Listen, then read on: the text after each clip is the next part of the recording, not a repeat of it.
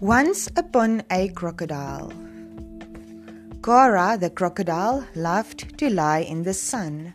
No other activity she thought quite as fun.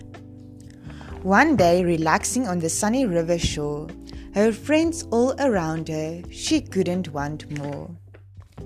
Just then, a lizard appeared on the scene, but the look Cora gave her was one that was mean. Why are you here? the crocodile snapped. The poor little lizard began to feel trapped.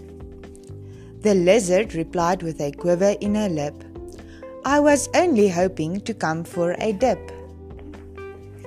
You're not welcome. Please don't stay. We definitely don't want you to play. The lizard began to feel pretty hurt. Why won't you share this fine piece of dirt? Your skin is too different, was Cora's reply.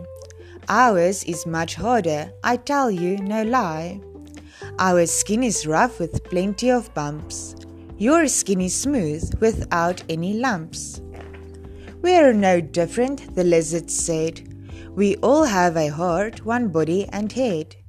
Yes, parts of us are not the same, but playing a part shouldn't be the aim.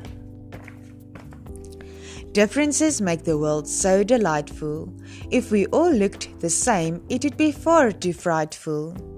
Oh, said the crocodile, I did not know this. A delightful world I would not want to miss. Please forgive me for being unfair.